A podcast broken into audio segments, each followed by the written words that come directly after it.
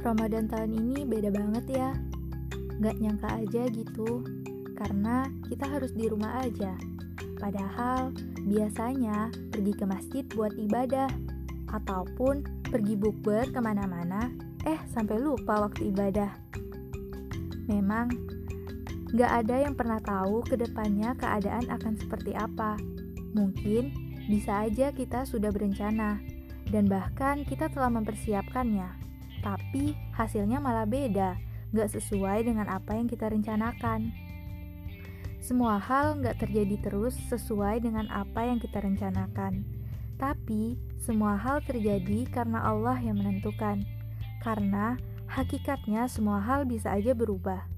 Contohnya, bisa aja saat ini aku adalah si pendosa dan yang paling anti yang namanya ibadah dan bahkan gak pernah terfikir tuh buat aku berubah dan tobat. Tapi gak ada yang tahu perasaan kita ke depannya seperti apa. Karena kalau Allah udah berkehendak untuk kita berubah, kita bisa apa coba? Pasti ada aja cara Allah untuk melunakkan hati kita yang udah kayak batu.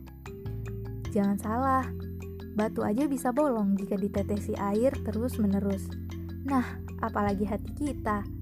Pasti mudah banget buat merubahnya. Jadi, gak ada yang gak mungkin dan gak akan menutup kemungkinan aku si pendosa bisa menjadi si ahli ibadah. Atau bahkan sebaliknya. Wallahu alam. Pada dasarnya, hidup ini penuh dengan praduga yang tak terduga endingnya.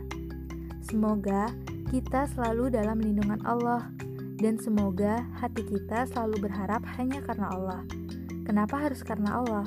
Karena kalau kita berharapnya ke manusia, bisa aja kita kecewa dan bahkan bisa aja kita larut dalam kesedihan yang ada. Kan kasihan hati kita. Intinya, jangan bersedih ya. La tahzan, innallaha ma'ana.